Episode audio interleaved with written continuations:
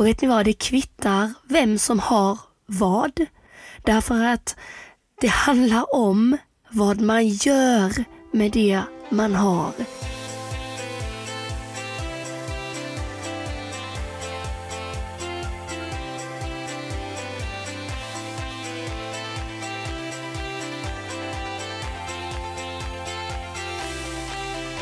Hej allihopa och varmt välkomna till det andra avsnittet av podcasten En mental halvhalt med mig Johanna Lassnack. Det har gått en vecka sedan förra avsnittet kom ut och wow, jag måste bara inleda med att verkligen tacka för er fantastiska respons. Det har varit helt galet att få ta emot så mycket kärlek och så mycket fina ord ifrån er och det gör det bara extra roligt att eh, fortsätta.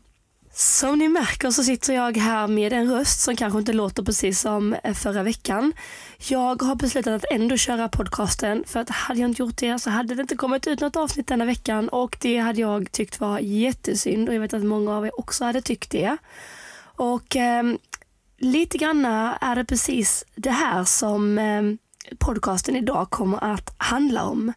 Att faktiskt göra det bästa av det man har. För just nu så sitter jag här med en röst som verkligen inte vill samarbeta och det är inte en jättebra förutsättning om man faktiskt ska podda. Men vet ni vad jag också sitter här med? Jag sitter här med en utrustning som inte är den absolut dyraste poddutrustningen. Jag sitter här med en dator som inte är jättefancy.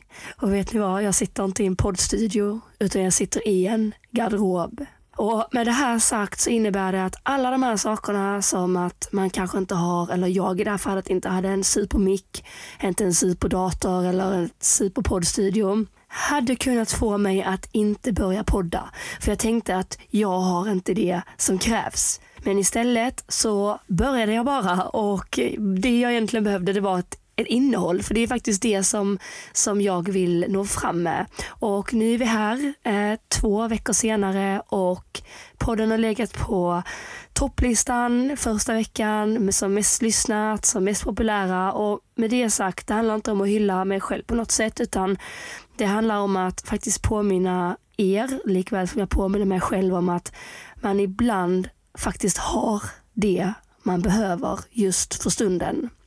Därför att när jag var lite yngre så kunde jag ibland gå och vänta. Jag gick och väntade på saker som jag inte ens själv visste vad det egentligen var. För jag visste någonstans att jag ville bli bättre, jag ville utvecklas och ehm, men jag visste egentligen inte hur. Men jag kunde gå och tänka att fan, men bara jag hade en häst eller bara jag fick en häst till eller bara jag kunde få träna för den där tränaren. Bara vi köpte den där transporten. Bara jag fick de där ridbyxorna eller bara jag fick åka på den där tävlingen så skulle allting bli bra. Men vad jag inte insåg var att det egentligen inte handlade om att jag skulle gå och vänta på någonting jag inte hade utan allting jag behövde hade jag faktiskt själv. Och Jag tror att det är så himla viktigt att man inser det att allt det man har just nu det är exakt det man behöver. För grejen är ju så här att vi alla som är här och lyssnar på detta och inklusive jag själv. Vi har ju så extremt många olika förutsättningar. Några av er som sitter och lyssnar här nu, ni kanske har en häst hemma i stallet och bara önskar med hela hjärtat att ni kunde få två hästar. Någon har kanske inte ens en häst. Någon kanske sitter här och har en transport men bara önskar att de kunde få en sån där fin BK-lastbil. Någon sitter här och har inte ens en transport. Någon kanske sitter där och har föräldrar hemma som verkligen hämtar och lämnar och ställer upp och stöttar och fixar och kör till tävlingar och allt det finns där. Någon har inte ens det. Och vet ni vad, det kvittar vem som har vad. Därför att det handlar om vad man gör med det man har. För det kvittar hur många hästar man har, hur många fina ridbyxor man har, hur många bra tränare man har eller hur många tävlingar man får åka på om man inte förvaltar det man har. Och om man inte gör det bästa av det man faktiskt har. För jag tänker lite så här att om man inte gör det bästa av det man har just nu, hur ska man kunna göra det bästa av det man får senare? det går ju inte. Så kraften ligger i att faktiskt göra det bästa av det man har just nu. För det man har just nu, det är ju faktiskt det man har. Man har ju inte mer. Så det kvittar egentligen hur många fler hästar man önskar att man hade eller att man hade den där BK-lastbilen eller att man hade den där tränaren eller fick åka på de där tävlingarna. Alltså det kvittar ju för att man har ju inte det. Grejen är bara så här att om man kan använda det man har just nu, göra sitt absolut bästa med det, så kommer man ju automatiskt att ha blivit bättre senare. Tänk dig som att du har som en, som en stege framför dig. Vi har trappsteg nummer ett till nummer fem precis framför dig från vänster till höger. Och just nu så befinner du dig på trappsteg nummer ett. Och just nu så går du på ridskola. Du har inte möjlighet att ha din egen häst och eh, ja, men du rider på ridskola en gång i veckan. Och istället för att kanske gräma sig över att jag önskar att jag fick rida två gånger på ridskola eller jag önskar att jag hade en foderhäst eller jag önskar till och med att jag hade en egen häst. Istället för allt det där, faktiskt bara inse att okej, okay, jag kan faktiskt påverka den här situationen själv. Därför att om jag ser till att vara den personen som kommer absolut först till ridskolan och jag lämnar absolut sist. Jag ser till att när jag ryktar hästen så gör jag det otroligt bra. Jag ser till så att hovarna kratsats fantastiskt. Jag ser till så att hästarna alltid ser toppen ut. Jag ber alltid om att få hjälpa till i stallet. Jag sopar stallgången, jag ber om att få mocka. Jag ber om att få komma på helgerna och få hjälpa till att mocka och kanske titta när de tjejerna i privatstallet rider.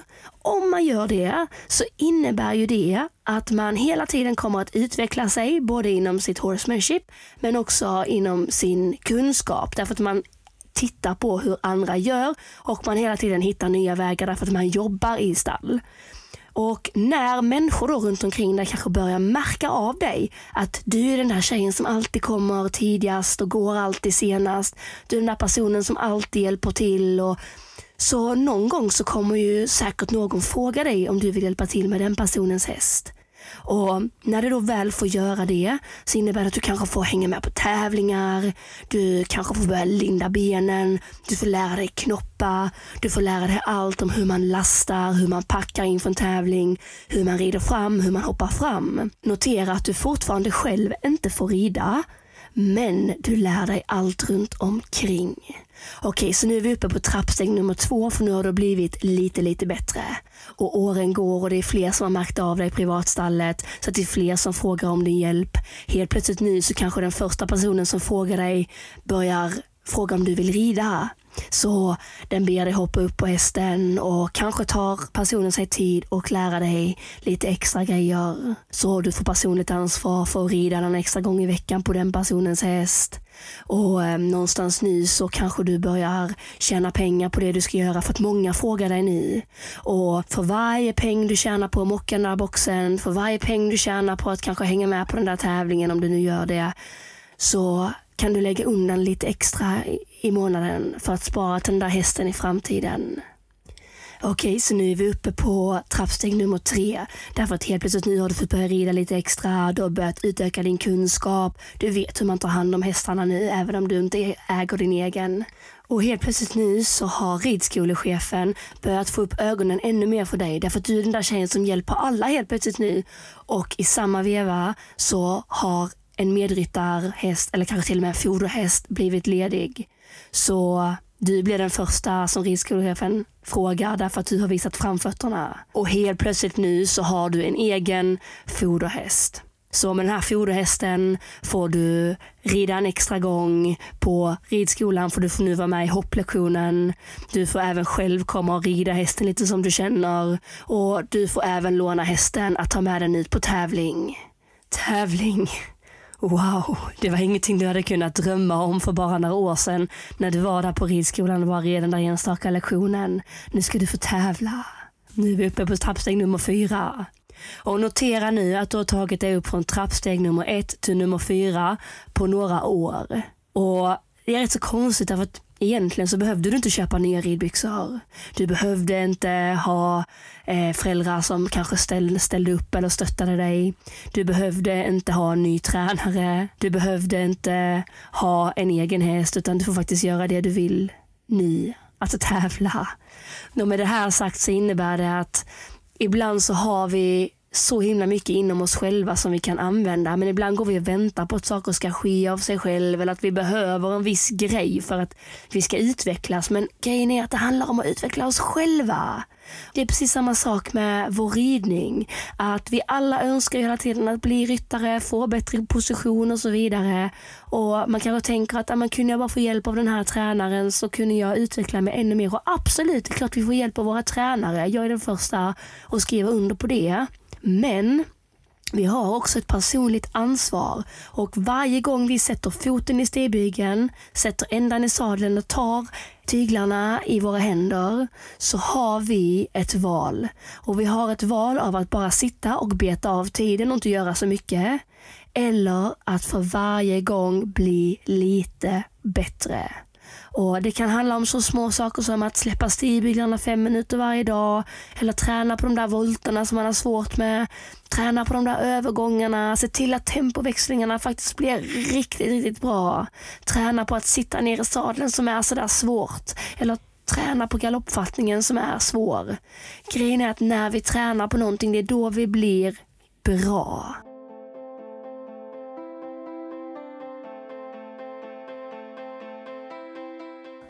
Jag önskar också att jag själv fick liksom upp ögonen för det först, men jag hoppas att fler kan få upp ögonen för det. Och det är att allt bra tar tid. Alla saker tar tid och när man börjar med att göra nya grejer så känns det totalt dött i början. Det tar lång tid innan man får resultat. Det tar lång tid innan människor börjar ge en beröm. Det tar lång tid innan man kommer upp till det där man önskar att man kunde och grejen är att det måste vara fine. Därför att vi kan bara ta ett exempel som, ja men ta exemplet med ryttarinspiration till exempel. Det är ju idag en sida på Facebook med över 50 000 följare, över 30 000 på Instagram. Jag är ute och föreläser och kan liksom livnära mig på det här. Men glöm inte att allt detta, det började för fem och ett halvt år sedan. I ett mörkt rum med mig sittandes på sängen med ett knapptryck ett knapptryck, skapa sida på Facebook. Där började det. Och grejen var att när jag tryckte på den där knappen så hade jag ju inte en aning om vad det här skulle leda in mig på. Jag hade ju inte en aning om att det skulle bli så stort som det är idag. För vet du vad, när jag satt där och hade skapat den här sidan så fattade jag inte vad det var jag hade gjort. För jag hade ingen aning. Tidigare på kvällen så hade jag bollat den här idén med en av mina bästa vänner. Och hon hade varit den första att ifrågasätta mig. Sa till mig, men vad ska du göra med det här och hur har du tänkt och vad är planen? Och alla hennes ord fick mig att tvivla. Men, men så skapade jag sidan i alla fall och jag minns att jag satt där och väntade på att någon skulle lajka. En minut gick, ingen hade likat. En timme gick, fortfarande hade ingen likat.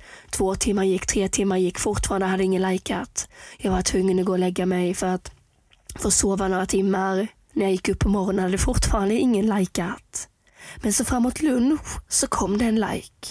Och den liken blev senare två likes, som senare blev tre, som senare blev tio, som senare blev hundra, som senare blev tusen, som senare blev tiotusen, blev tjugotusen och på den vägen Grejen är bara att under denna tiden så har det funnits så extremt mycket tvivel.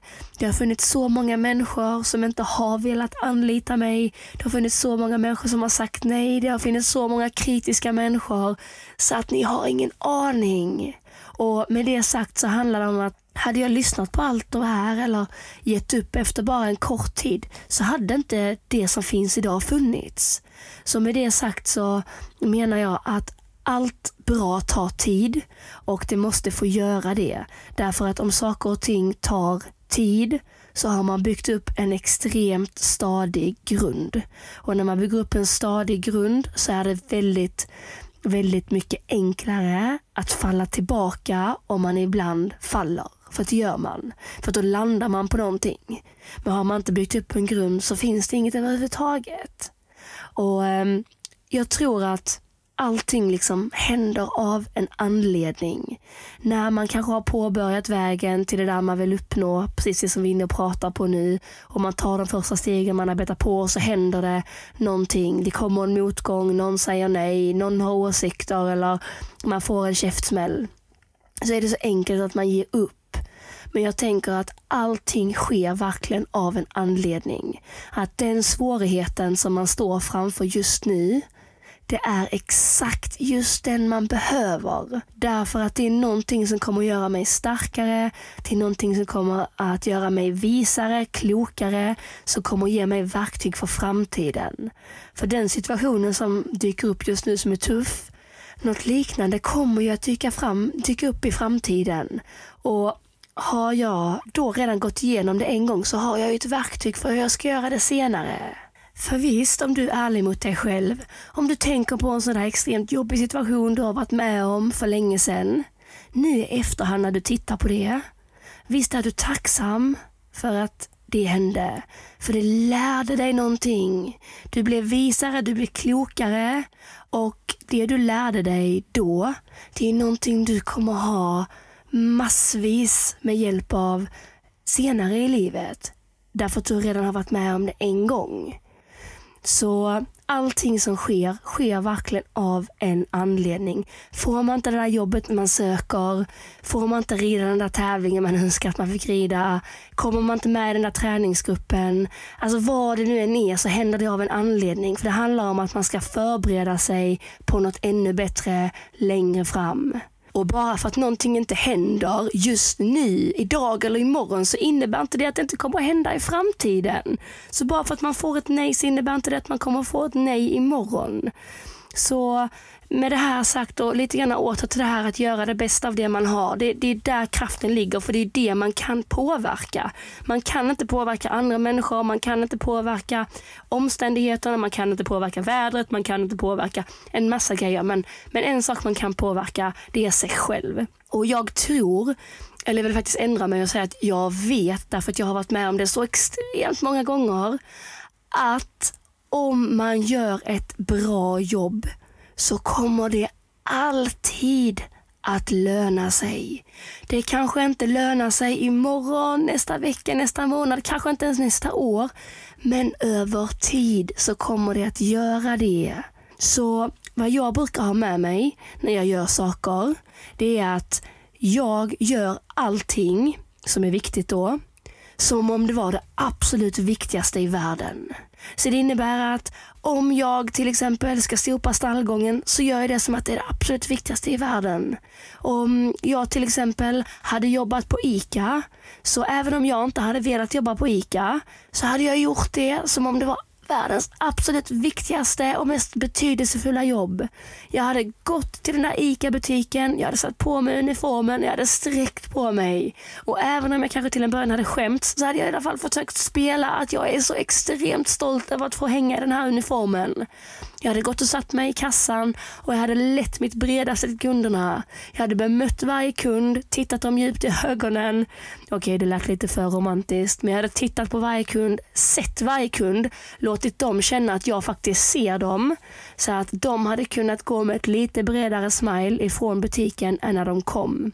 Om jag skulle städa butiken efter så hade jag sopat de där golven eller vaskat de där golven så bra med att det handlar om att faktiskt göra det bästa av det man har och där man är just nu. Och att man är stolt över det man faktiskt gör. Jag menar det kvittar om man jobbar som sophämtare.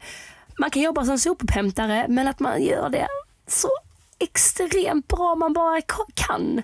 För att lite grann att om man gör någonting bra så kommer folk senare att se det. Och du vet ju inte när du sitter där i ICA på kassan om din nya chef en gång kommer dit. Du vet ju inte det. Så att jag vet själv när jag eh, till exempel tar hjälp av andra människor och sådär.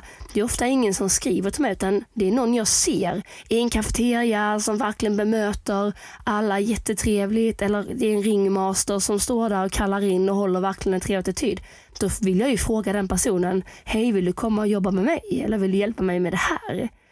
Så med det sagt så, så handlar det faktiskt om att, att göra det bästa av det man har. För gör man det bästa av det man har just nu, samma sak med ridning, så kommer man att dels ha blivit bättre, för att man blir bättre när man gör någonting, när man gör det bästa man kan.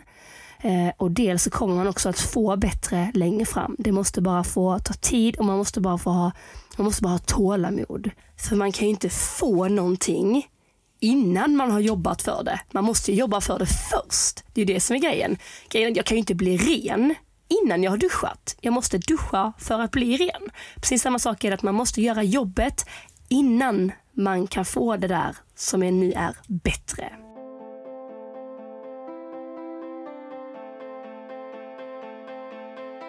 Och Jag kan bara gå tillbaka till mig själv och titta på mitt nyläge, alltså idag.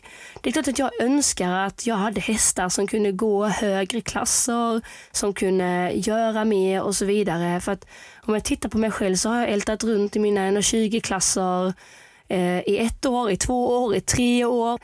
Och istället för att bli frustrerad för att jag inte kan rida högre just nu därför att mina hästar kanske inte har kapacitet helt till det. Istället för att bli frustrerad över det så tänker jag att jag ska fasen rida de där 1,20-klasserna så bra det bara går. Jag ska rida dem bäst av alla. Jag ska rida dem med en sån precision. Jag ska rida dem med en sån balans. Jag ska rida dem med en sån fokus. Jag ska göra det så bra det bara går. Jag ska gå ner på detaljnivå och förbättra mig. Jag ska tänka på att mina hälar de ska vara blickstilla, mina armbågar ska vara intill, mina tummar ska vara uppåt, min position ska vara stark och trygg, min blick ska vara framåt. Alla de där sakerna tänker jag på. Om jag nu inte kan hoppa högre så måste jag ju göra andra saker som jag faktiskt kan bli bättre på. Och det är faktiskt alla de här detaljerna, för det kan vi alla bli bättre på.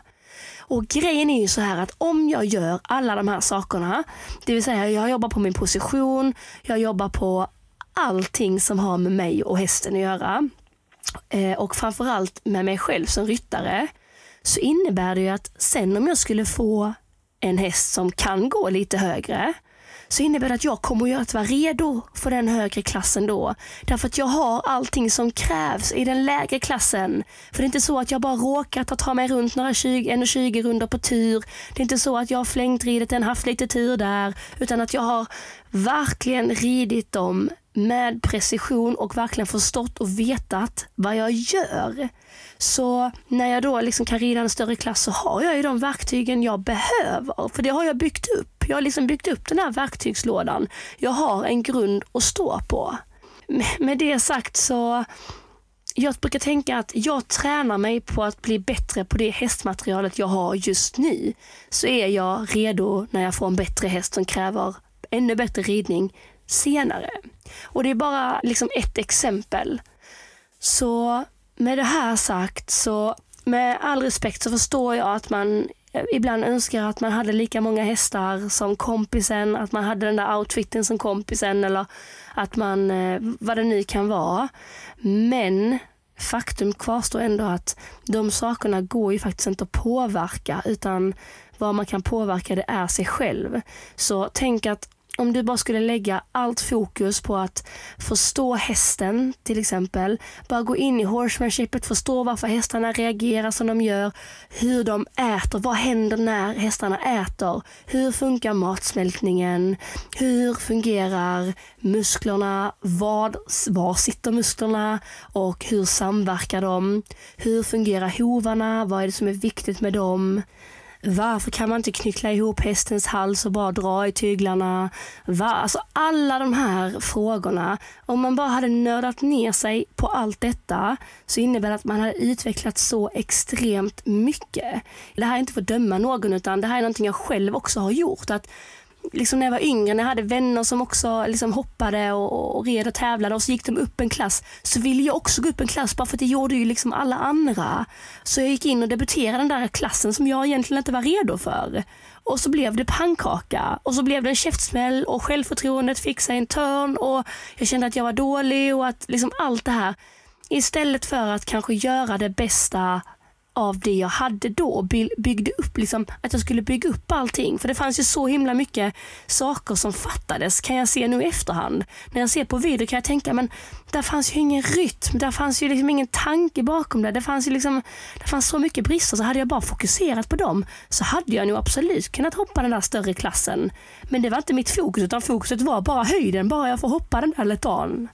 Så Eh, med det här sagt så, jag brukar säga så här att tänk, tänk er Peder till exempel. Om vi skulle ta bort Peders kavaj, vi skulle ta bort Peders hästar, vi skulle ta bort Peders organisation, vi skulle ta bort Peders hästskötare. Vi skulle ta bort allt som Peder har runt omkring sig som också är en del till att han blev framgångsrik så hade det ändå funnits enormt mycket kunskap kvar i honom. Det hade funnits en hästmänniska, en fantastisk ryttare. Så han hade kunnat successivt, med väldigt lång tid såklart, kunnat bygga upp det han har idag. Men säg att han inte hade byggt upp allt det här själv, att han hade haft kunskapen själv, intresserat sig själv, då hade det inte funnits så mycket kvar. Och jag brukar tänka så. Med det här sagt så, när det kommer omkring om man inte gör det absolut bästa av det man har just nu så kommer man aldrig kunna göra det bästa av det man får senare. Däremot så gör man det bästa av det man har just nu så kommer man senare att kunna ha blivit lite bättre, lite visare, skapat lite fler verktyg och då kommer man också att ha blivit bättre och med det också kunnat få bättre. Och med detta så sätter vi punkt för det här andra avsnittet. Och jag vill tacka så hemskt mycket för att du har lyssnat. Nästa vecka så kommer ett nytt avsnitt nästa onsdag. Och vill du vara med och påverka den här podden och innehållet i den så får du hemskt gärna göra det. Skicka då ett mail till en mental halvhalt at ryttarinspiration.se Se.